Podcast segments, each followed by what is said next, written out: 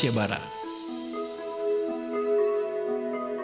Jangan takut pada kesulitan, karena Allah dapat memberikan limpahan berkat di tengah ancaman badai kemalangan.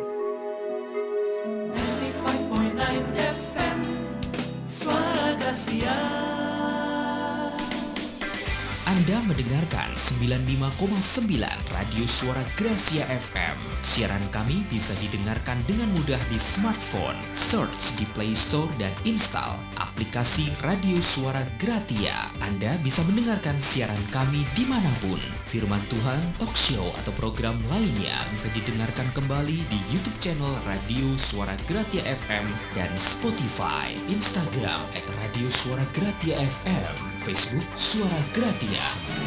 Radio Suara Gracia FM, the sound of life.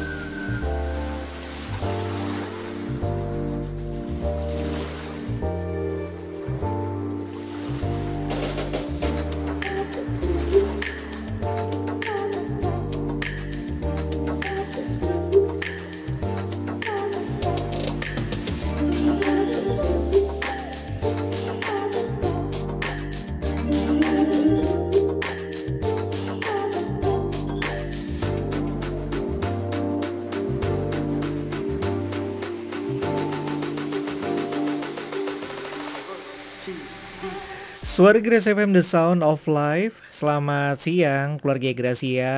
Tuhan adalah cahaya kemuliaan. Leo bersama dengan Anda kembali dengan semangat yang baru di akhir pekan. Setelah kita bersama-sama dalam program Firman Tuhan yang enfresh ya Untuk Kaula Muda Gracia Kini saatnya saya akan hadir di program Inspirasi Keluarga Nah, keluarga Gracia spesial di hari ini program inspirasi keluarga kami hadirkan dengan satu topik satu topik yang lagi uh, sesuatu perbincangan yang hangat ya. Kita nanti akan sajikan datanya dan kita akan berbincang hari ini bersama dengan Bapak Himawan Hadir Harja MSC dari Family First Indonesia. Shalom, selamat siang Pak Himawan. Oke, selamat siang Pak Himawan belum di Ya, selamat siang, selamat siang. ini saking excitednya gitu ya kita udah lama nggak ketemu sampai ternyata masih di mute ya keluarga Gracia oke. Iya.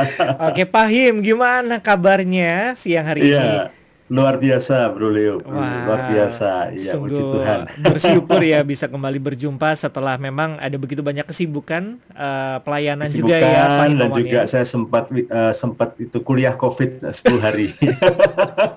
kuliah ya gelarnya tambah berarti di belakangnya ada C eh, puji Tuhan hanya S1, saya nggak pengen S2 atau S3. Jangan Pak ya, tolak Jangan. dalam nama Yesus ya.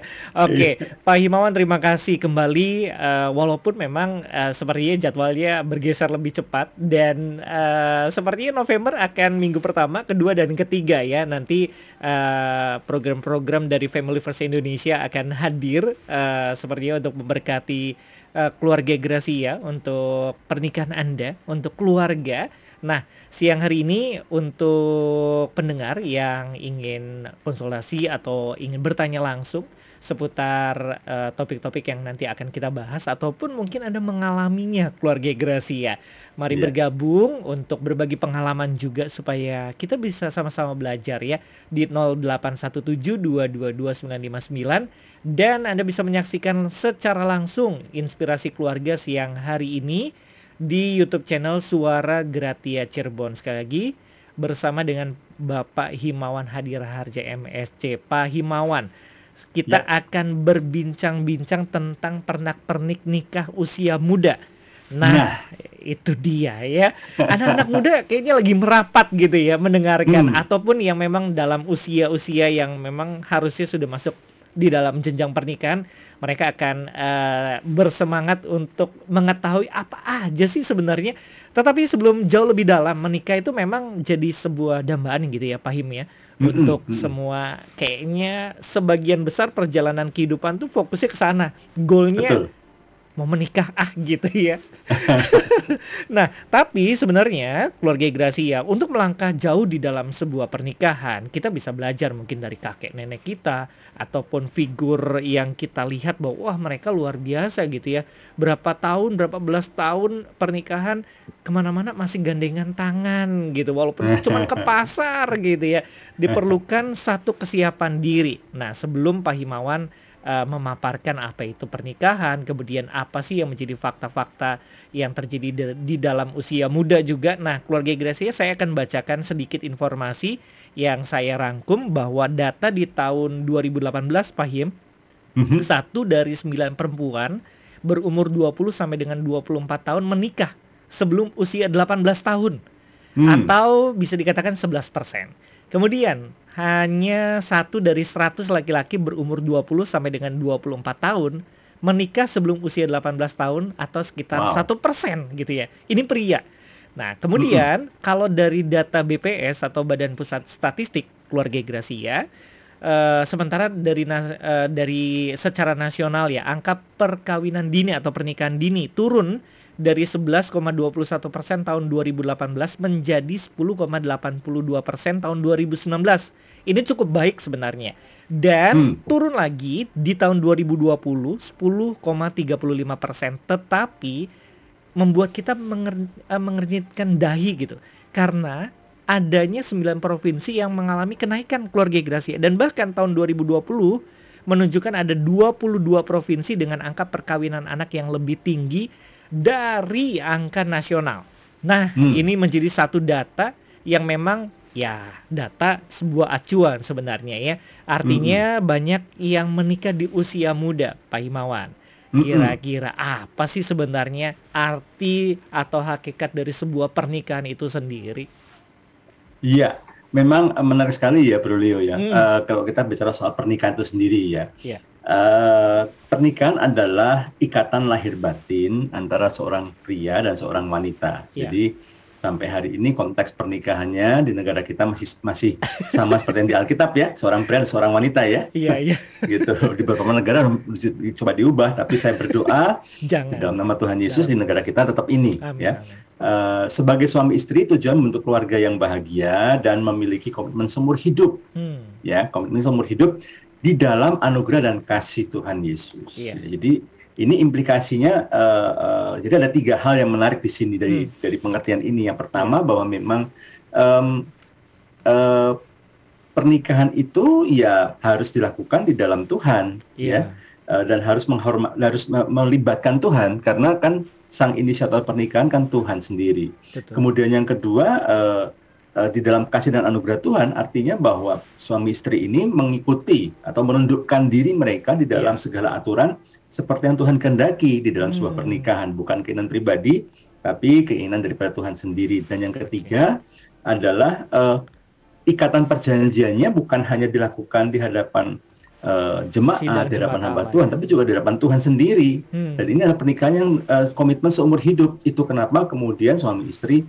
perlu senantiasa nempel dan melibatkan Tuhan di dalam kehidupan pernikahan mereka. Okay. Itu, Bro Itu hmm. arti dan hakikat dari pernikahan gitu ya, ya. Uh, keluarga hmm. Gracia. Jadi bukan sekedar Pak Himawan per pernah saya ingat benar sampai sekarang ya kalau talk show ya. dengan uh, Pak Himawan atau rekan-rekan dari Family First Indonesia bahwa sekali lagi goal dari pernikahan bukan tentang adanya buah hati atau anak gitu ya. ya. Demikian ya. juga tujuan dari pernikahan itu keluarga Gracia ya. Artinya bukan sesuatu yang uh, hanya sekedar memenuhi jasmania gitu ya Pak Himawan. Nah, Benar. sebenarnya usia berapa Pak Him sebaiknya pasangan untuk memutuskan menikah gitu. Ada yang bilang nantilah gitu ya, nggak pede kalau sudah punya banyak uang. Kalau kerjanya sudah jadi direktur mungkin atau ada juga yang aduh sebentar lagi katanya masa-masa kesukaran datang aduh sebentar lagi katanya dunia ini udah masuk di akhir dari akhir zaman gitu ya. Kayaknya mau cepet-cepet hmm. deh. Gimana Pak Imawan? Ya, kalau kita mengacu kepada undang uh, uh, undang-undang yang berlaku ya, hmm. undang-undang yang berlaku itu memang dikatakan bahwa uh, um, merujuk di di uh, apa namanya aturan undang-undang berlaku itu memang kalau pria seorang um, uh, uh, apa uh, seorang pria harus mencapai um, apa uh, mencapai usia 19 tahun minimal, hmm. wanitanya 16 tahun. Okay. Kalau di di bawah umur 21 tahun mau menikah harus persetujuan dari orang tua hmm. ya di undang-undang uh, kalau nggak salah undang-undang undang-undang 74 ya tentang yeah. pernikahan yeah. ya. Nah, tapi kemudian um, uh, BKKBN juga menggunakan standar usia uh, pria 25 tahun, hmm. wanita 21 tahun. Nah, memang kalau bicara soal batas usia memang ada banyak versi ya. Hmm. Tetapi kalau kalau saya uh, lebih mengacu kepada tidak hanya batasan usia saja, tapi juga memang ada kriteria-kriteria yang harus dipenuhi dulu gitu Bro okay. sebelum iya. seorang memutuskan untuk menikah. Oke, okay, jadi bukan bicara tentang berapa usia yeah. mereka sekarang gitu ya yang ingin yeah, menikah. Yeah. Tetapi ada hal lain, mungkin kesiapan ataupun hal-hal yang memang mereka harus memenuhi terlebih dahulu ya. Nah, ya. kalau kayak gitu uh, bisa disebut nikah usia muda itu berarti kita nggak bisa nggak bisa ditentukan gitu ya di usia berapa sebenarnya kategori tersebut ya Pak Him? Memang saya coba kumpulkan beberapa hmm. uh, beberapa uh, resources ya yeah. sumber-sumber data ya memang uh, masih cukup blur ya. Hmm. Um, ada ada yang mengatakan begini, ya kalau standarnya Undang-Undang 74, uh, Undang-Undang 74 misalnya itu yeah. memang 1916 ya di bawah itu berarti pernikahan dini, hmm. gitu ya. Tapi kalau ada yang mengatakan beberapa psikolog mengatakan ya kalau di pernikahan dilakukan di antara usia 18 sampai 25 tahun, nah itu baru pernikahan dini karena seseorang dianggap mengalami kematangan secara kesiapan secara psikologi, secara emosi, iya. itu biasanya usia 25 tahun ke atas. Hmm. Gitu. Nah, tapi, tapi kalau, kalau untuk undang-undang sendiri berarti sebenarnya terlalu masih cukup muda gitu ya Pak Him ya? Um, ya, kalau saya bisa saya bisa memahami ya dalam hmm. pengertian begini. Uh, negara kita ini kan cukup luas, cukup besar dengan berbagai macam ragam suku gitu yeah. ya dan budaya sehingga mungkin mencoba mengakomodir iya, iya. mencoba mengakomodir beberapa budaya-budaya tertentu yang memang memberi peluang hmm. gitu ya hmm. untuk pernikahan di bawah usia 20 tahun okay. termasuk juga uh, beberapa pandangan-pandangan agama yang memang uh, seolah-olah memang me menyetujui ya yeah. kalau sebuah pernikahan dilakukan di bawah usia 20 tahun dengan berbagai pertimbangan tentunya hmm, gitu. Oke. Okay. Lalu, kenapa kemudian pemerintah memberikan batas yang cukup rendah ya iya. 19 kalau pria, 16 untuk wanita. Iya, jadi memang uh, melihat dari semua hal aspek di Indonesia juga ya Pak Him ya, ya bahwa ya, ya. kita pemerintah ikut ambil bagian di situ untuk hanya sekedar memang uh, memfasilitasi uh, yang mungkin memang itu menjadi sebuah budaya juga gitu ya. ya. Lalu apa saja Pak Himawan kalau hmm. bicara tentang uh, nikah usia muda? Indikatornya apa saja sih yang perlu dilihat untuk menentukan apakah pasangan sudah siap? Tadi kan bilang bukan sekedar usia deh kayaknya. Ya. Nggak bisa jadi acuan deh usia 19, 20 apalagi kalau bicara karakter gitu ya. Ya Benar. ada usia ya. mungkin di atas 20, 30 tahun juga yang masih mungkin berkarakter seperti ya anak-anak kecil ataupun uh, tidak sesuai dengan usianya gitu. Indikatornya ya. apa Pak Him? Oke, yang pertama adalah indikator uh, emosional dulu. Ya. Hmm, emosional. Jadi pasangan yang mau menikah ini secara emosional independen dalam pengertian dalam pemenuhan kebutuhan emosional dia nggak harus bergantung kepada orang lain, apalagi pada orang tua. ya kan, apa dikit-dikit Mapa ini gimana? Lo kan kamu udah nikah, mas putusin sendiri dong gitu. uh, uh, mami ini gimana nih? Masa apa hari ini lo? Kok nggak tanya sama mami? Putusin dong, kamu udah menikah gitu ya? Iya. Atau pakai baju apa lah? Ya kalau dikit-dikit masih tergantung sama orang tua ya berarti dia belum independen secara emosi. Kemudian hmm. yang kedua adalah hmm. uh, diharapkan independen secara finansial juga. Yeah. Dia mampu membiayai diri sendiri dan juga membiayai membiayai keluarga. Hmm. Ya, karena kan segala sesuatu harus diberi dengan uang ya Bro Leo ya. Nggak yeah. bisa pakai iman aja, nggak bisa pakai cinta ya. Beli daging di pasar pakai cinta, pulang bengep-bengep ya. gitu ya. Jadi yeah, yeah. Uh, pasangan yang mau menikah harus independen secara secara keuangan dalam artian bukan berarti sudah kaya atau berlimpah-limpah tapi paling tidak untuk kebutuhan bulanan uh, harus menghidupi uh, pasangan kemudian hmm. juga anak kalau ada anak nah itu tentu saja sudah bisa uh, apa dikatakan independen secara finansial gitu ya. Hmm. Kemudian berikutnya lagi uh, siap menjaga komitmen kesetiaan pada pasangan. Oke, okay, Ya, karena ya harus bisa komit karena hmm. menjaga kepercayaan diberikan oleh pasangan dan berpegang pada komitmen nikah ini kan butuh kedewasaan. Iya. Ya kalau di masih SMP, SMA, apalagi masih kuliah tahun-tahun awal, bukan bukannya nggak mampu, tapi kan dalam dengan mem mempertimbangkan uh, secara emosional masih masih labil dan kemudian belum bisa uh, apa ya belum bisa menghormati yang namanya menjaga komitmen. Hmm. Nah itu kenapa memang uh, kami pun ya yeah. Iya. uh, termasuk saya ke anak-anak pun juga uh, kami punya uh, uh, saya dan istri punya aturan yang cukup mungkin bagi beberapa keluarga cukup keras gitu ya. Hmm. SMP SMA sampai tahun-tahun tahun-tahun awal kuliah nggak boleh pacaran. Oke hmm, oke. Okay, okay. Kenapa nggak boleh pacaran? Karena pacaran itu sebetulnya kan salah satu langkah perjalanan menuju ke pernikahan. Berarti latihan juga menjaga komitmen. Nah, SMP SMA mana bisa mana uh, uh, bukan berarti saya bilang saya yeah. bilang bahwa mereka benar-benar nggak mampu, tapi yeah. Iya. uh, faktanya menunjukkan mereka belum mengerti apa itu komitmen dan belum bisa menepati komitmen kesetiaan. Benar-benar. Iya kan? Hmm. Karena bisa saja lagi jalan-jalan di Mall Grage gitu kan, oleh Cirebon gitu ya. wah ini kayak cakep ini, wah paling cakep nih se-Cirebon gitu. Ya. Oh, iya, iya. Eh besoknya main-main ke Semarang, main di mall lain lagi, DP iya. Mall atau di Noni, Noni atau Semarang di, ya. Iya. Noni Semarang, eh ini lebih cakep lagi. Waduh. Iya. Nah, ini kan belum bisa komit ya karena itu iya. jangan pacaran dulu. Ya termasuk dalam pernikahan juga, apalagi hmm. pernikahan ini kan satu komitmen jangka panjang kan sampai mau sampai mau memisahkan. Iya. Nah, ini harus dilakukan oleh pasangan yang siap untuk menjaga komitmen. Hmm. Yang berikutnya lagi hmm. uh, menyadari uh, gambar diri ke kelemahan dan kekuatan sendiri diri sendiri dan juga tahu kriteria pasangan yang diperlukan secara realistik okay. dan spesifik uh, spesifik mungkin. Yeah.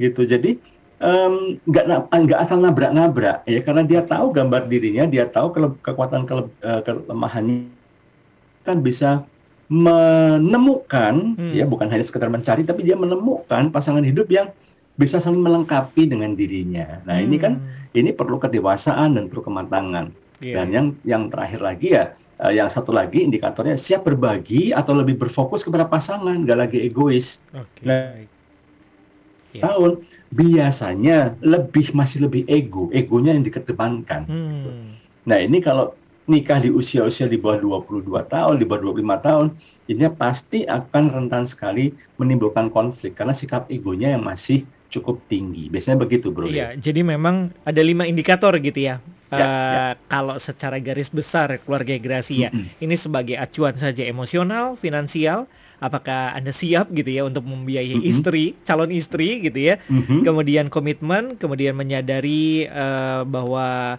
uh, kita harus tahu kriterianya iya kriteria. iya kemudian juga siap berbagi nah Pak Himawan saya tertarik gitu ya untuk mm-hmm. untuk kriteria yang ini pernah membaca nih Pak Himawan uh, ya. bicara tentang pacaran kudus gitu salah satu pertanyaan uh, yang ditanyakan kepada kaula muda gitu ya kepada generasi muda yang mungkin mereka sudah masuk di dalam usia ya mereka dalam masuk hubungan pacaran gitu ya sering kali mm -hmm. pembimbing rohani bilang gini salah satu pacaran kudus tuh yang ditanyakan kamu mau merit umur berapa gitu ya hmm.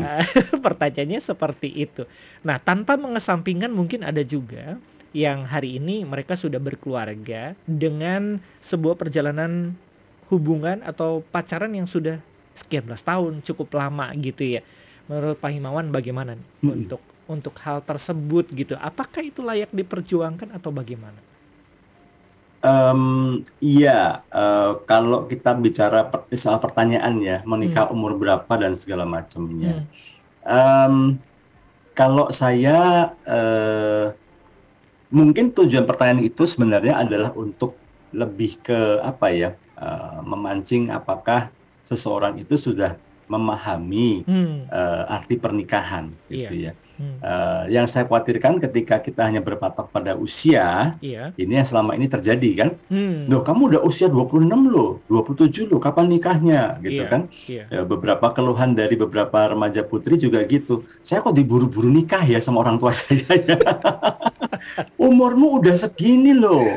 iya. Umurmu udah segini, ayo gitu ya. Hmm. Nah, padahal kan uh, uh, seperti seperti yang kita sepakati tadi gitu kan sebenarnya bukan masalah usia saya bisa memahami sih, terutama kalau remaja putri ya, kalau yeah. yang putri ya, kalau yang perempuan ya, karena kan memang secara biologis ada masanya, ya. hmm. ya. uh, apa namanya, pertimbangan-pertimbangan biologis, yeah. misalnya uh, kalau uh, wanita di atas usia 40 tahun melahirkan itu resikonya cukup Besar. lumayan gitu ya. Iya. Uh, harus agak lebih hati-hati, belum lagi dari sisi uh, tenaga dan segala macamnya. Sehingga hmm. kemudian kalau tarik mundur mau punya anak berapa, dua ya beri, dibuatlah perhitungan matematikanya gitu ya. iya. ya. Ini kan harus SD orang tuanya udah agak berumur iya. gitu ya Pak. Uh, uh, tapi uh, yang saya khawatirkan ketika kita terpaku kepada angka, terpada usia, kita jadi akhirnya mempengaruhi penilaian kita. Kita nggak lagi melihat dengan jernih karakter-karakter seseorang yang akan menjadi calon pasangan hidup kita. Hmm. Kita uh, apa namanya me,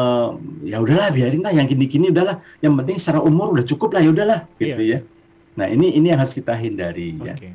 Uh, kemudian yang berikutnya lagi adalah uh, saya agak kurang lengkap tadi yang terakhir uh, sinyalnya agak kurang bagus. Jadi hmm. yang terakhir pertanyaan gimana Bro Leo? Iya, jadi uh, ketika memang perjalanan pacaran hubungan yang cukup hmm. panjang gitu, apakah itu menjadi sebuah hubungan okay. yang layak diperjuangkan gitu ya? Iya, iya, iya, iya. Sekali lagi, kalau memang tujuannya adalah menikah gitu hmm. ya. Uh, tujuannya adalah menikah. Memang mau tidak mau kita harus dengan sabar menjalani hubungan dalam tanda kutip pacaran ini uh, bagi saya lebih melihat ini bukan uh, yang dikatakan uh, pakai istilah awam adalah pacaran itu sebenarnya proses penjajakan sebetulnya. Hmm. Ini bisa jadi gini, kebanyakan orang itu terlalu fokus kepada pacaran dan nikahnya, tapi lupa ada sebuah fase yang menurut saya dan beberapa teman-teman hamba Tuhan kami setuju ya. Iya. Ada sebuah fase yang sebenarnya penting yang namanya persahabatan. Hmm. Justru persahabatan ini penting banget gitu dan ini juga yang saya ajarkan ke anak-anak saya. Hmm. Instead of kamu pacaran, bersahabatlah. Kenapa? Kenapa? Bedanya apa? Dalam persahabatan kita nggak perlu pura-pura. Kalau kita pacaran kan, waduh pacaran nih, saya harus yeah. tampil bagus nih, gitu yeah, ya. Yeah. Uh, pakai baju yang bagus, pakai minyak wangi, hmm. kemudian uh, pokoknya menampilkan hal-hal yang baik yeah, kan masa-masa masa-masa promosi gitu ya Pak. dalam rangka menjual diri kan, supaya uh, promosi itu itu ma maafkan bahasa saya menjual diri gitu ya. Hmm. Uh, kita kan mau menampilkan sisi baiknya kita saja, tapi dalam persahabatan kita hmm. terbuka apa adanya. Hmm. Ya kan kita nggak perlu pura-pura kalau kita mangkel ya kita kita bisa mengekspresikan yeah. kemangkelan kita seperti apa adanya. Betul. Dan kemudian kita bisa bertumbuh dari situ. Nah, fase persahabatan ini yang seharusnya lebih uh, kita kedepankan di hmm. masa-masa ketika SMA, perkuliahan, pertemanan dan persahabatan. Ini adalah waktu di mana memang kita berlatih untuk beradaptasi dengan orang berbagai macam karakter hmm. dan kemudian kita uh, setelah kita benar-benar siap, kita mulai memikirkan tentang pernikahan, barulah kemudian kita masuk dalam fase yang serius yaitu persiapan pernikahan atau ya uh, pacaran itu tadi maka um, sekali lagi kont uh, pacaran di dalam di dalam uh, kekristenan tidak bisa dilepaskan dalam dalam konteks untuk kita mau menikah. Hmm, Oke. Okay. Ketika ini dipisahkan seolah-olah pacaran ini hanya pengalaman uh, coba-coba salah gitu ya. Iya, iya. Nah ini ini yang berbahaya sekali. Gitu. Betul, nah betul. jadi um, kalau memang dalam proses penjajakan atau proses adaptasi persahabatan ini memang perlu waktu, apalagi misalnya LDR misalnya hmm. atau long distance uh, relationship. relationship. Nah kita perlu double effortnya, kita yeah. perlu kita perlu cek benar-benar, kita perlu uh, pastikan bahwa uh, relasi ini sudah sudah lulus tes berbagai tes yeah. di iya. dalam di dalam masa-masa relasi. Kalau memang uh, uh, sudah lulus semuanya, yakinlah kita uh, bisa mengatakan bahwa ini layak diperjuangkan karena ketika kita uh, lebih baik um, rada ribet di awal hmm. sebelum menikah ini rada ribet, rada yeah. banyak ini, banyak itu, cek sana cek sini gitu yeah, ya. Yeah. Bibit-bibit uh, bobotnya ya Pak ya. Nah, setelah menikah permasalahan-permasalahan jadi relatif lebih ringan yeah. atau lebih lebih sedikit uh, hambatan yang dialami. Gitu Oke. Okay. Oke, nah keluarga ya. Gracia untuk Anda yang ingin bertanya atau kaulah muda Gracia yang memang sudah mungkin usia kayaknya uh, masuk di dalam hubungan gitu ya, relationship, kemudian juga mungkin selama ini kayaknya tadi seperti Pak Him bilang uh, orang tua udah nanya ini ke mana-mana gitu ya. Apalagi kalau datang ke undangan pernikahan ya. Nah. masih sendiri Pak Him. Kapan nyusul? Rasanya ngumpet di pojokan tapi kok makanannya enak yang di tengah gitu ya. Jadi agak nggak pede. Nah bisa bertanya uh, ataupun mungkin untuk keluarga Gracia yang punya pengalaman dan Anda sudah menang mengalami hal seperti ini, silakan Anda bisa berbagi di 0817222959 ya. Jadi kita sedang berbicara tentang pernak-pernik nikah usia muda. Baik, Pak Himawan kita lanjutkan. Apa saja sebenarnya yang biasanya menjadi alasan atau penyebab pasangan menikah di usia muda, Pak? Selain mungkin disuruh orang tuanya, gimana tuh, Pak? Zaman sekarang masih kayak Siti Nurbaya katanya. Dijodohin lagi. Iya, biasanya ada dua uh, dua uh, penyebab besar, penyebab utamanya ya. Yang hmm. pertama ini yang kurang baik ya, itu memang baik. sudah terlanjur. Hmm. Artinya dalam dalam pacaran melanggar batas sehingga suka nggak suka mau nggak mau karena ya. sudah hamil ya harus bertanggung jawab hmm. gitu ya. Hmm. Akhirnya uh, lulus SMA langsung nikah misalnya, ya. atau mungkin SMA belum lulus sudah dinikahkan gitu hmm. pertimbangan ya udah terlanjur udah hamil gimana dong harus tanggung jawab gitu ya. Hmm. Uh, ini ini ini uh, tentu saja ini pernikahan muda yang uh, terpaksa dilakukan ya karena faktor uh, seperti itu tadi. Kondisi yang tapi yang ya. mm -mm, tapi yang kedua, yang kedua adalah karena memang di uh, intentionally artinya memang hmm. di, di, dilakukan dengan, dengan sadar dengan hmm. berbagai pertimbangan. Biasanya penyebabnya karena masalah uh, desakan ekonomi misalnya hmm. gitu ya. Uh, di beberapa daerah kan ibu daripada ini udah lulus SMA nggak ada duit buat kuliah udah kamu nikah aja deh gitu ya. Hmm, iya, iya. Kamu udah itu sama sahabat kamu tuh udah dari SMP udah kenal, udah temenan, udah sama-sama oke okay, gitu ya. Kayaknya baik juga, udah kamu udah temenan terus sama dia ya papa bapak mama uh, bapak ibu juga udah kenal, kenal orang tuanya ya oke okay, ya udahlah gitu ya. Nah, uh, atau uh, uh, ada lagi karena memang uh, perkembangan tren hmm. gitu ya. Ada memang trennya ya, Pak. secara data mungkin memang berkurang ya. Iya. Uh, data mungkin berkurang, data mungkin berkurang, tetapi uh, banyak pasangan-pasangan yang mulai consider. Hmm. Consider karena merasa apa? Aku udah bisa cari duit sendiri kok.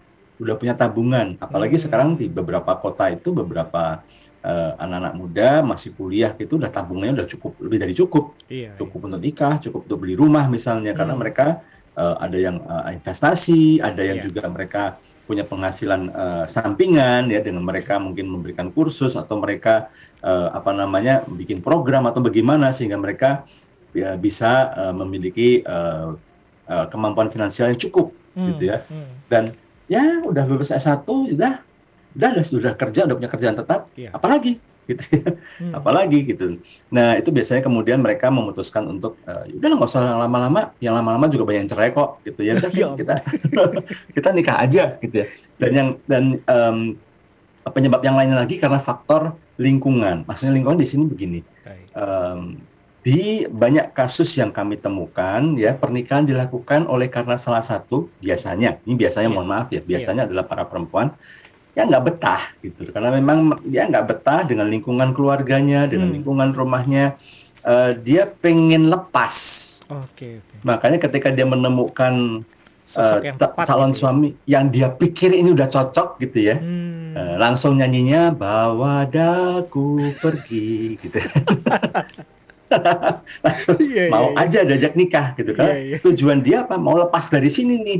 Oh, mungkin orang tuanya kurang perhatian, kak, uh, orang tuanya lebih perhatiin adik, adiknya atau kakaknya. Jadi dia merasa ah ini mumpung ada orang yang udah sayang sama aku, udahlah aku keluar aja dari sini. Nah itu biasanya menjadi pemicu-pemicu hmm. kenapa uh, ada pasangan yang menikah di usia muda. Atau bisa juga karena faktor Ya, karena um, ya mereka melihat bahwa ya udah punya udah punya calon, udah punya ini, ngapain lagi, yeah. gitu ya. Uh, uh, apa mereka tidak melihat ada alasan kenapa nggak nikah muda. Iya, iya. Nggak ada yang alasannya karena sebentar lagi Tuhan datang ya, Pak. Belum ada kayaknya Perlu diadakan survei mungkin, Pak. Sekalian pelayanan mungkin ya. Oke, okay. Iya, ya, ya, ya, kita bicara tentang uh, pernikahan di usia muda ya. Mungkin ada juga yang menjadi sebuah impian uh, mereka, di mana mereka ingin uh, menikah di usia muda. Tapi kita akan kasih tahu dulu nih, Pak Himawan ya, kasih tahu dulu apa sih sebenarnya tantangannya atau permasalahan-permasalahan yang sering kali muncul dalam pernikahan di usia muda. Iya. Uh, kita soroti dulu sekali lagi kita sepakati dulu bahwa batas usianya biasanya dilakukan di bawah usia 25 tahun ya. Hmm. Nah, apa yang apa yang menjadi permasalahan? Yang pertama uh, adalah uh, buat perempuan. Ini secara secara uh, biologi biologisnya Biologis, memang ada ada uh, ada potensi bahaya. Hmm. Sebuah studi menyebutkan bahwa risiko kematian cenderung meningkat 2 sampai 4 kali lipat pada wanita yang hamil di usia muda, kurang dari 20 tahun. Hmm. Kenapa? Karena organ reproduksinya belum benar-benar matang. Baik. Sudah menstruasi? Iya. Sudah bisa hamil? Iya. Tetapi mungkin kandungannya, ya, rahimnya, kemudian jalan untuk dia melahirkannya, ini belum sepenuhnya matang, belum sepenuhnya siap, ya. Hmm, hmm. Belum lagi kemudian emo, secara emosional, ya, iya. masalah-masalah seperti ini, uh, uh, apa namanya? Uh, sorry, bukan sebelum emosional, setelah dia ketika dia melahirkan bisa pendarahan. Nah, di pendarahan ini kan juga berbahaya ya. Hmm. Uh, uh, uh, kurang matangnya atau belum belum matangnya organ reproduksi bisa menjadi uh, salah satu uh, masalah ya iya. bagi anda yang menikah usia muda. Kemudian yang kedua rentan KDRT karena hmm. uh, riset menunjukkan bahwa frekuensi uh, kekerasan dalam rumah tangga ini di pernikahan usia dini ini cukup tinggi, hmm. cukup tinggi okay. ya. Kenapa? Karena mereka tidak siap secara mental. Memang secara psikologis mereka belum matang, belum bisa mengelola emosinya dengan baik, eh, sehingga menjadi pribadi yang emosional dan ini sering kali meletupkan hmm. uh, ketika suaminya emosi, ya, suami muda emosi, istrinya masih muda juga emosi juga, emosi juga. maka sering terjadi pertengkaran yang bisa mengarah pada KDRT. Hmm. Kemudian perceraian, ya ini juga cukup tinggi ya. Hmm. pasangan-pasangan di usia 20, 24 tahun banyak yang bercerai ya cukup tinggi nih angka perceraiannya. Yeah. Ya, kenapa? Uh, um, karena uh, pasangan-pasangan di usia 20 24 tahun ini mereka menikahnya di usia di usia 18 tahunan, yeah. bahkan ada yang sebelum usia 18 tahunan. Ya, baik di, di wilayah kota maupun pedesaan. Yeah. Nah, ini kenapa? Karena mereka sering cekcok, prinsipnya beda, masalah ekonomi, selingkuh, kan belum bisa komitmen ya, hmm. sehingga KDRT. Dan kemudian yeah. ini yang lebih lebih lebih mengkhawatirkan lagi rentan terjadinya gangguan kesehatan mental. Hmm, oke. Okay. Terkait gitu. juga dengan mental ya, Pak? Oh, iya berarti ya. Ya, ya, ya. Benar, hmm. benar. Terkait dengan masalah karena memang secara secara psikologis mereka belum siap belum untuk siap. mengelola men, mengelola ininya. Uh, banyak studi yang menunjukkan bahwa semakin muda usia pernikahan, semakin tinggi okay. uh, eh, salah satu atau keduanya mengalami gangguan psikologis seperti gangguan kecemasan, hmm. depresi, depresi, bahkan kemudian sampai mengarah kepada bunuh diri bisa okay. jadi dan itu bisa menjadi salah satu faktor yang kuat terjadi di dalam kasus-kasus yang ada gitu ya Pak Himawan ya, ya benar, benar. oke okay. nah bicara tentang memang karakter uh, di usia muda yang memang masih hmm. kayaknya tadi ya bicara tentang emosional tuh meledak-ledak gitu ya. Ada hmm, juga hmm. di usia muda itu mereka punya karakter di mana ya gua nggak suka gua ngomong gitu ya. Urusan nanti berantem belakangan deh gitu ya. Apalagi kalau misalnya tadi Pak Himawan bilang nih katanya suruh sebagai sahabat ya bebas-bebas aja gitu ya. Uh, eh, gue mengutarakan pendapat dan segala macam. Tapi kalau buat mereka Pak Himawan kalau mereka hari-hari ini memang harus di dalam kondisi tadi kan ada beberapa faktor gitu ya indikator dan lain sebagainya gitu ya kalau mereka uh, harus terjun di dalam sebuah pernikahan gitu ya yang mau nggak mau ataupun karena kondisi-kondisi lainnya gitu ya dengan di usia mereka yang masih muda bagaimana mensiasati ini supaya memang ya minimal mereka bisa mengikis gitu ya hmm. untuk setiap perselisihan yang ada. Ya, mungkin di antara yang mendengarkan talk show kita siang hari ini ada yang mengatakan ada uh, Pak Leo, Pak Himawan telat ngomonginnya, kita udah lanjut nikah. Gitu ya. ada yang nikah memang intentionally sudah hmm. direncanakan, sudah dipikirkan. Ada yang memang karena faktor tadi yang kita sebutkan ya, udah terlanjur nih, ya hmm. ya kan dulu mungkin uh, dulu belum benar sungguh-sungguh dengan Tuhan iya. sehingga akhirnya nabrak-nabrak sana sini hmm. tapi setelah menikah kemudian mereka makin bertumbuh ya uh, iya. ke, apa secara uh, kerohanian juga bertumbuh hmm. gitu, dan mereka menyadari dan terus gimana nih tapi nih gitu ya yang pertama memang uh, uh, perhatikan komunikasi ya karena komunikasi apakah anda menikah di usia muda apakah anda menikah di usia yang sudah lebih lebih matang tetap saja ekonomi uh, komunikasi menjadi satu faktor yang sangat penting di dalam dalam pernikahan. Baik. Ya, komunikasi uh, biasanya konflik itu terjadi karena komunikasi yang buruk. Hmm. Jadi kalau ingin bisa bisa uh, apa namanya bisa menjalani kehidupan pernikahan, perbaiki komunikasi, bicara baik-baik ya. ya. Jangankan yang muda ya Pak ya, yang ya, matang aja kalau mengalami bisa. masalah komunikasi ini bisa terjadi ya. Iya, hmm. jangan saling mengumbar kesalahan. Biasanya kalau hmm. anak-anak muda ini kan masih apa dikit langsung posting di, di TikTok gitu kan, posting di Instagram gitu ya. Sebel nih gue sama bini gue nih. Gitu. Yeah, yeah. uh, suami saya ini gimana sih suami? Malah yeah, main futsal jam-jam segini. Ini anak udah nangis-nangis ya belum punya susu karena gara-gara duitnya. Jadi nggak main futsal lagi misalnya gitu yeah, ya. yeah. nah ini jangan diumbar ya seperti ini ya. Yeah, iya, uh, uh, uh, apa namanya? Uh, karena kan uh, mengumbar emosi di dalam uh, di sosial media memang hmm. ini bisa bisa dipahami karena seseorang ingin meletupkan emosi negatifnya. Tetapi hmm. kan uh, cara ini nggak tepat gitu ya. Yeah. Jadi uh, jangan lakukan itu. Miliki support system. Yeah. Ya, support system di sini bisa keluarga, bisa sahabat uh, yang juga punya uh, sifat, punya nilai-nilai yang positif ya, bisa membantu menenangkan diri, menguatkan kita dalam mensiasati masalah emosi. Yeah. Nah, masalah keluarga juga mohon maaf ini uh, keluarga hmm. Gracia dan hmm. juga uh, apa uh, di mana pun anda berada dan mendengarkan talk show ini um, saya juga dengan hati-hati harus mengatakan bahwa belum tentu setiap permasalahan kita perlu laporkan kepada keluarga. Nah, hmm. ini mungkin statement yang, bu, Pahim gimana nih gitu ya. Iya, iya. Nah, kan gue masih punya orang tua gitu. Nah, makanya saya katakan saya harus, saya harus ngomong dengan hati-hati sekali. Baik, baik. Karena gini, uh, tidak sedikit kami temukan di di dalam berbagai kasus, hmm. uh, ketika orang tua tahu bahwa anaknya dan mantunya ada masalah dalam pernikahan, keterlibatan mereka justru memperkeruh suasana. Oke. Okay. Uh, yeah. Justru memperkeruh gitu.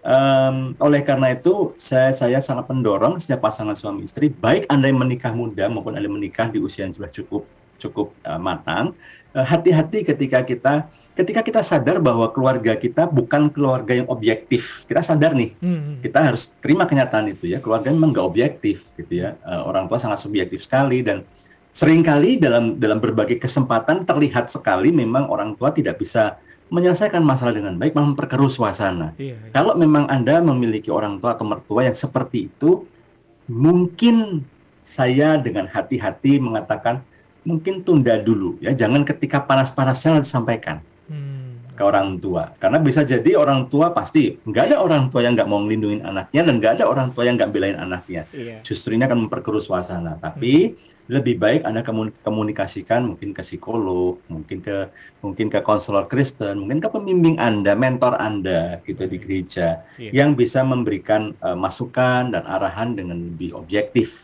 ya. Hmm. Itu.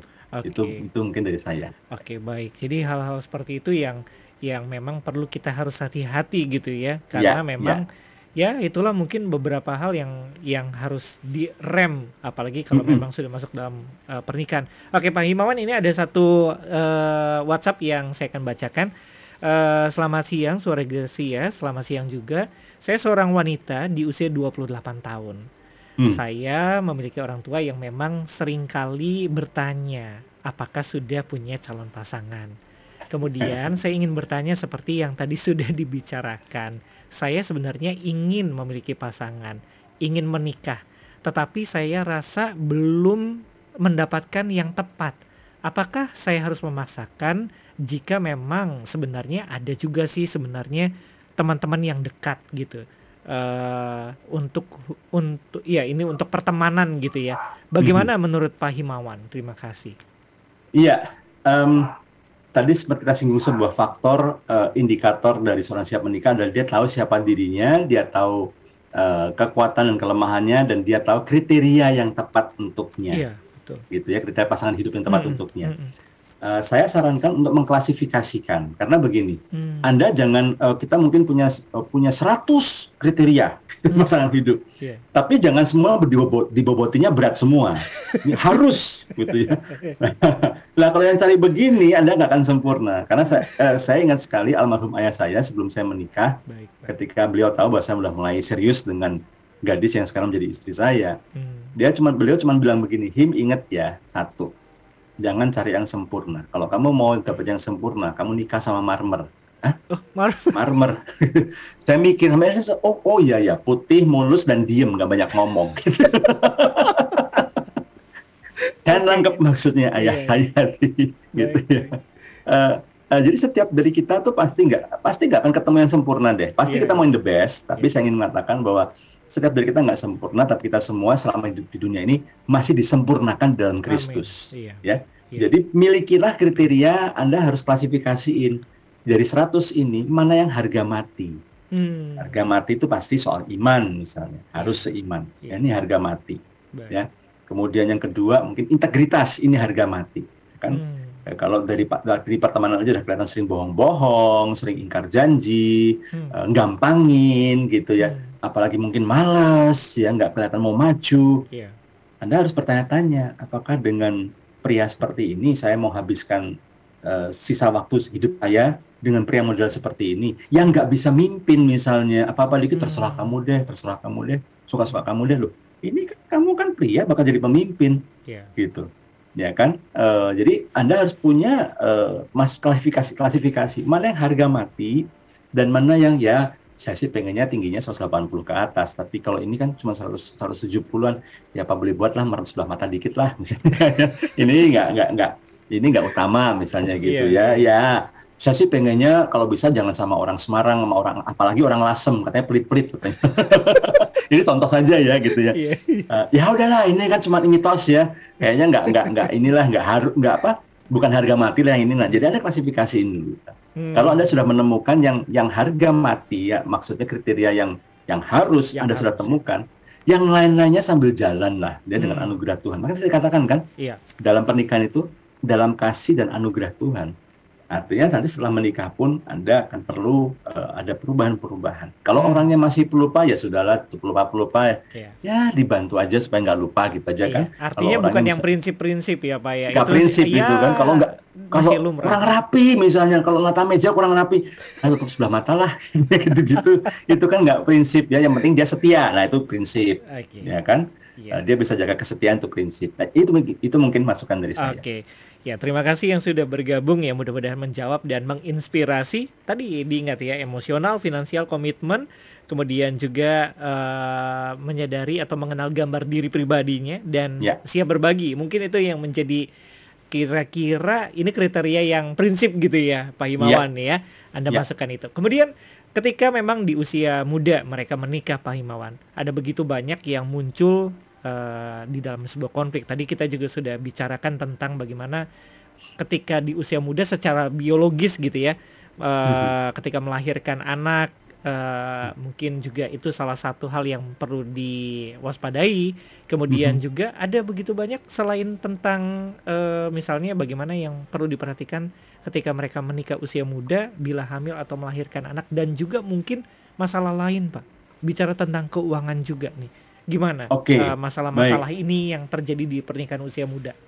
Iya, yang pertama saya bahas dulu tentang tentang uh, konfliknya, ya, ya hmm. konfliknya karena belum bisa mengelola emosi ya. Hmm. Biasanya konflik masalah keuangan. Hmm. Ya, kenapa? Hmm. Karena kurang independen secara keuangan. Hmm. Ya, apalagi kok misalnya uh, menikah mudanya karena terpaksa, okay. ya kan? Belum sempat kerja, belum sempat cari kerja, yeah. karena satu dan lain hal, karena sudah sudah lanjut hamil dan harus bertanggung jawab, maka tiba-tiba harus cari kerja. Nah, kan nggak gampang. Hmm. Kalau dia masih SMA misalnya, eh, hari-hari kini lulusan SMP cari kerja gimana? Iya. Ya kan? Kan nggak gampang gitu ya. Nah, iya. ini gimana solusinya? Lalu kemudian belum lagi bicara soal um, apa namanya uh, emosional gitu ya. hmm. ya pas uh, uh, biasanya masih pengen seneng-seneng, masih pengen futsalan, masih pengen tri on trian basketan gitu ya.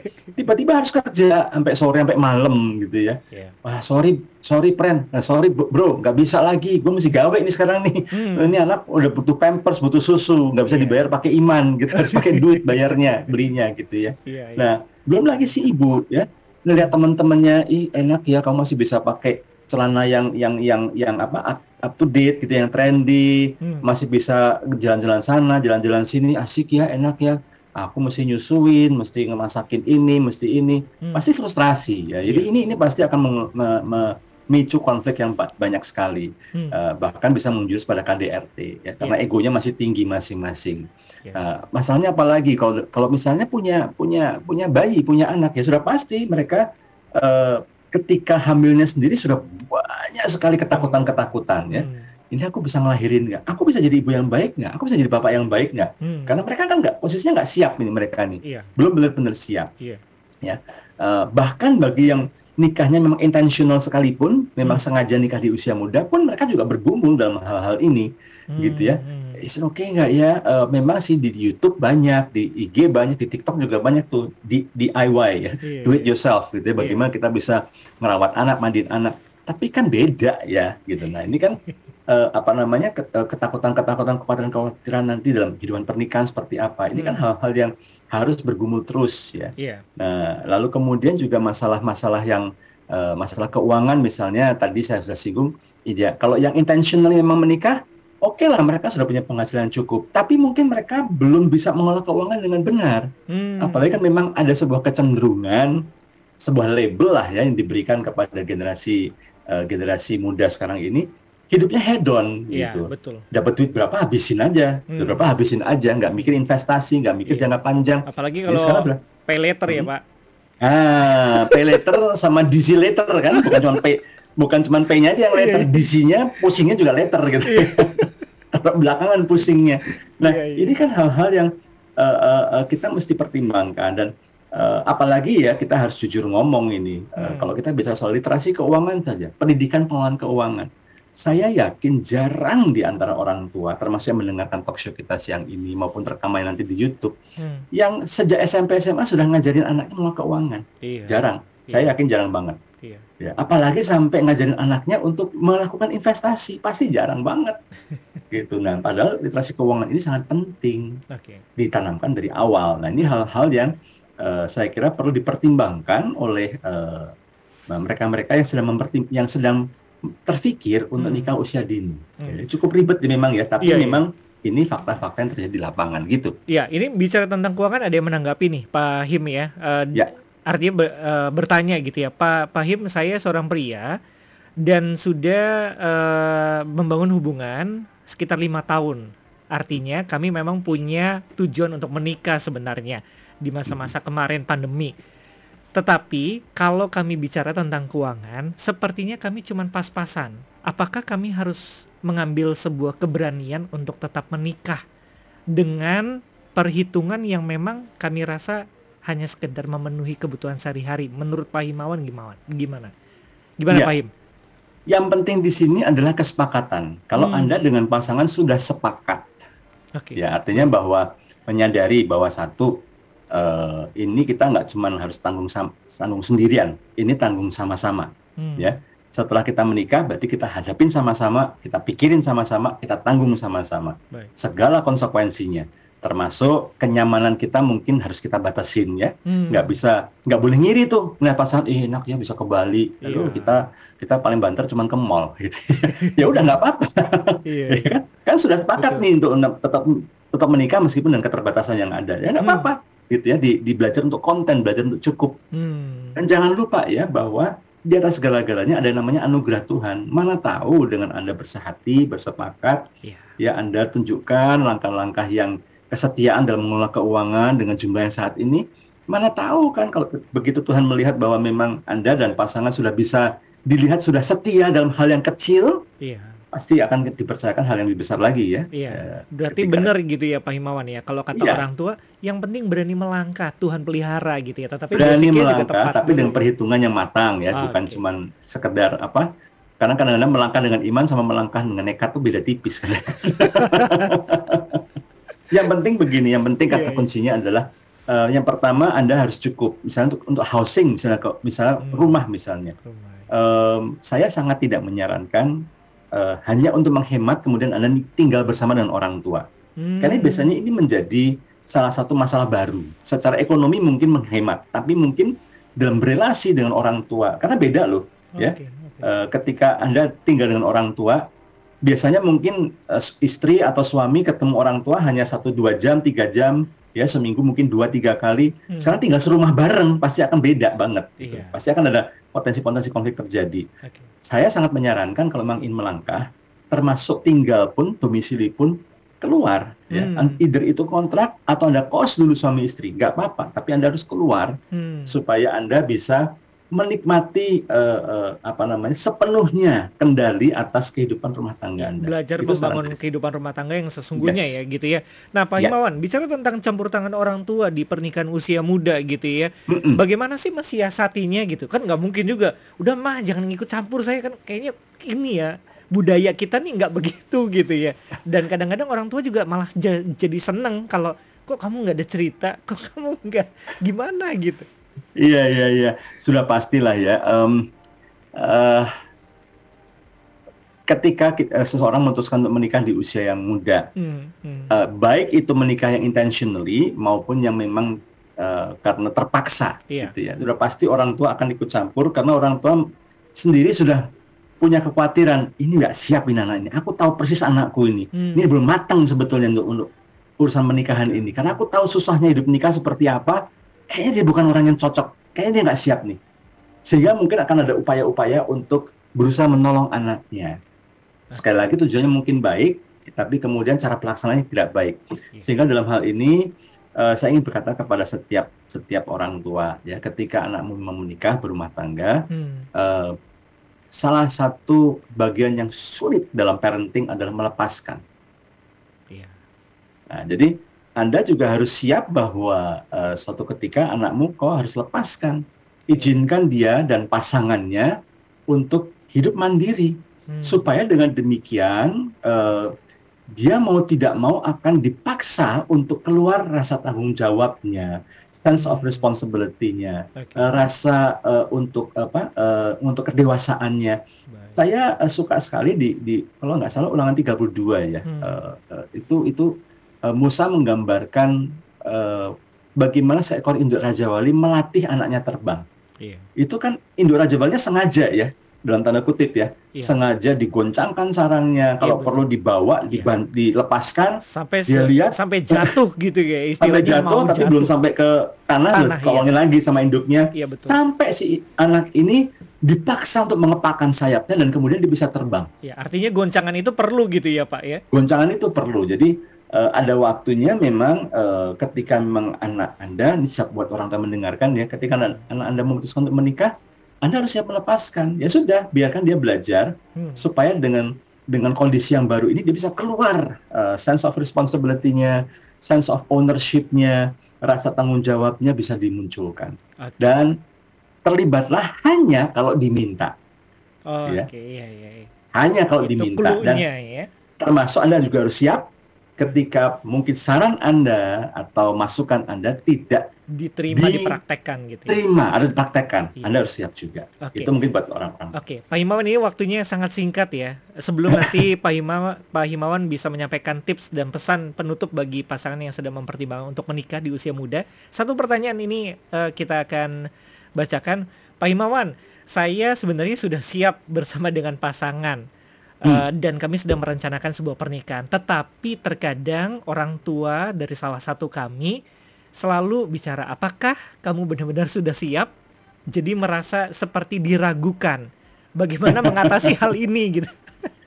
Iya terima kasih sudah, sudah pastilah ya uh, orang tua memang uh, tidak ada orang tua yang ingin anaknya celaka. Tidak yeah. ada orang tua yang uh, ingin anaknya uh, sampai melakukan kesalahan. Jadi hmm. saya kira ini pertanyaan wajar. Hmm. uh, buktikanlah.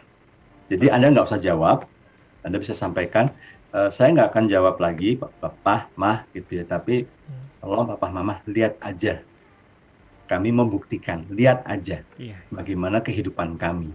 Salah satu uh, salah satu cara yang memang bisa kita tunjukkan ya ya kita buktikan gitu bahwa kita hmm. bisa mengelola dengan baik keuangan kita kita nggak dikit-dikit begini sama orang tua hmm. atau kita bisa diskusi sama pasangan kita dan kita putusin sendiri hal-hal yang baik yeah. dan um, ya kita bisa lihat juga bahwa ada perubahan-perubahan yang baik yang terjadi hmm. setelah uh, anda dan pasangan memasuk dalam masuk dalam persiapan untuk menikah. Yeah. Saya kira orang tua akan bisa melihat sendiri kok. Okay. Dan uh, sebaliknya orang tua kalau melihat ngomongnya siap tapi kok misalnya kok masih bangunnya siang-siang terus gitu ya atau belum bisa masak masih begini gitu ya? nah gua begini sama orang tua katanya udah siap iya, tapi yeah, kok yeah. gitu yeah, ya yeah. terus santai malas-malasan misalnya ah jangan udah niat nikah nggak sih nah uh. kadang-kadang pertanyaan itu tanpa sadar terpicu oleh karena apa yang kita lakukan memang tidak sesuai tidak menunjukkan bahwa kita benar-benar siap benar siap ya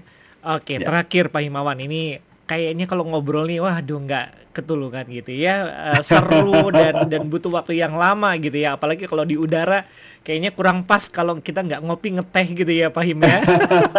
Nanti kita atur ya live live talk show-nya ya. Iya. Oke okay, satu pertanyaan atau satu closing statement Pak Himawan menutup program inspirasi keluarga di siang hari ini mengenai pernak pernik nikah usia muda. Cukup menarik sebenarnya. Ini pembahasan yang memang uh, sangat seru dan tidak ada habisnya mungkin kalau ya. kita yeah. uh, membuka pertanyaan cukup banyak pasti cukup banyak yang antusias bertanya. Ya tips atau pesan penutup nih untuk setiap pasangan yang sedang mempertimbangkan untuk usia menikah di usia muda ataupun yang sekali lagi ya mohon maaf jika sudah terlanjur menikah di usia muda. Ya, oke. Okay. Bagi anda yang belum tapi sudah mulai kayaknya oke okay juga sih melihat yeah. trennya ya melihat mm. di, hmm. di selebgram atau youtuber yeah. dengan mudah kayaknya asik deh gitu ya mm. saya ingin mengingatkan kembali bahwa apa yang di kamera apa yang di layar itu belum tentu menggambarkan kondisi sebenarnya yeah. yang terjadi ya uh, dalam kehidupan sehari-hari anda harus pikirkan baik-baik ya berbagai risikonya. Anda sudah hmm. dengar talk show kami, risiko secara keuangan, potensi masalah secara emosional, hmm. uh, kemudian juga uh, uh, pergumulan-pergumulan. Anda Anda nggak boleh lagi uh, iri ya. Enak ya kamu bisa jalan-jalan ya, gue udah nggak bisa ada anak nih gitu ya. Hmm. Atau Anda uh, menganggap enteng, ya sudah tetap aja nikah muda punya anak, toh bisa tetap jalan-jalan karena ada ada babysitter, berarti Anda mengorbankan anak demi, demi kesenangan Anda. Ini kan bukan hal yang baik ya iya. uh, untuk dilakukan. Jadi pikirkan baik-baik, pertimbangkan baik-baik. Uh, um, lebih baik Anda fokus untuk memastikan bahwa Anda sudah menemukan orang yang tepat untuk menjadi pasangan hidup Anda. Iya. Itu saran saya bagi Anda yang mulai ter, terbersit untuk menikah di usia muda. Hmm. Bagi Anda sudah terlanjur, saya ingin mengatakan bahwa um, jangan nggak boleh iri ya. Yeah. uh, kata Farel kan ojo dibanding-banding ya. Jadi Anda harus terima kenyataan yeah. Anda sudah uh, Anda sudah memutuskan untuk menikah muda. Ya terima konsekuensinya. Hmm. Jalani dengan sukacita, adaptasilah dengan cepat ya. Yeah. Anda harus sadar bahwa ada impian-impian, ada keinginan-keinginan yang nggak bisa Anda lakukan hmm. oleh karena keadaan. Jangan salahkan keadaan, apalagi jangan salahkan anak. Gara-gara ada anak ini sih, enggak gitu ya. hmm. Anda harus move on, Anda harus bangkit, Anda harus banyak uh, ber berdua dengan uh, suami istri Anda harus sepakat dulu ya. Harus ada kesepakatan kesatuan yeah. dan jangan lupa ada Tuhan yang menaungi Anda berdua dan menuntun Anda berdua. Libatkan mereka libatkan juga support system di sekeliling Anda. Anda juga perlu juga Anda ber, bersosialisasi berkomunitas dengan mungkin pasangan-pasangan muda juga seumuran hmm, Anda. Saling membangun ya Pak ya?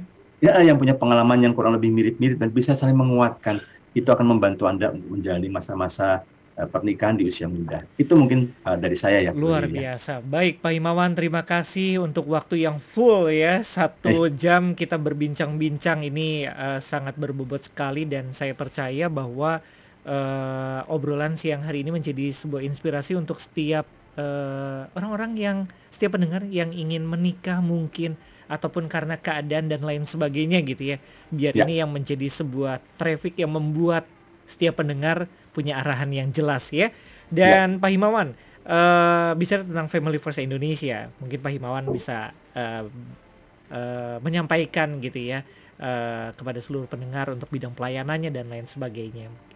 Iya, untuk saat ini kami sedang menyiapkan sebuah modul hmm. uh, modul untuk uh, family discipleship dan juga the journey of a family, hmm. modul yang kami harapkan nanti bisa menjadi berkat bagi banyak keluarga supaya keluarga-keluarga bisa melakukan pemuritan dalam keluarga mereka hmm. dan juga bisa membangun uh, perjalanan uh, perjalanan um, uh, apa namanya bergaul dengan Tuhan ya hmm. dan mempelajari firman Tuhan secara berseri dan nanti kami sedang melakukan godok ini sama-sama kemudian juga sudah pasti tetap tetap ada talk show di radio yeah. uh, live Instagram kemudian juga di tetap YouTube akan juga. ada uh, apa namanya uh, postingan di di uh, TikTok di YouTube di yeah Family uh, Family First uh, Instagram maupun juga di Facebook Anda bisa follow dan uh, doakan kami uh, karena kami juga akan membangun jejaring dengan lembaga-lembaga uh, pelayanan keluarga yang lainnya hmm. supaya kami bisa berkolaborasi bersama-sama untuk menghasilkan program-program uh, atau materi-materi yang bisa memberkati. Kami juga siap untuk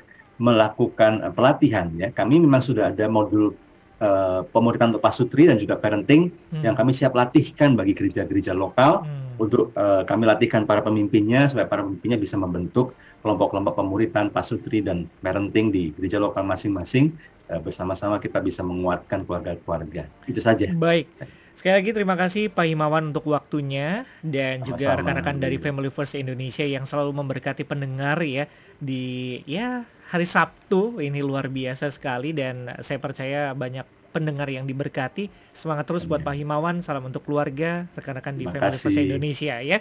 Baik ya, keluarga Gracia, kita langsung pamit undur dari program Inspirasi Keluarga ini dan uh, semoga perbincangan kami sekali lagi bisa memberkati kehidupan Anda. Saya Leo yang bertugas dan Pak Himawan sebagai narasumber dari Family First Indonesia pamit undur. Selamat berakhir pekan, tetap semangat keluarga Gracia. Tuhan Yesus memberkati. Shalom. Istana Mebel kini hadir untuk masyarakat Jatibarang di Jalan Mayor Dasuki nomor 75 Jatibarang. Istana Mebel menyediakan perlengkapan kantor minimalis dengan harga terjangkau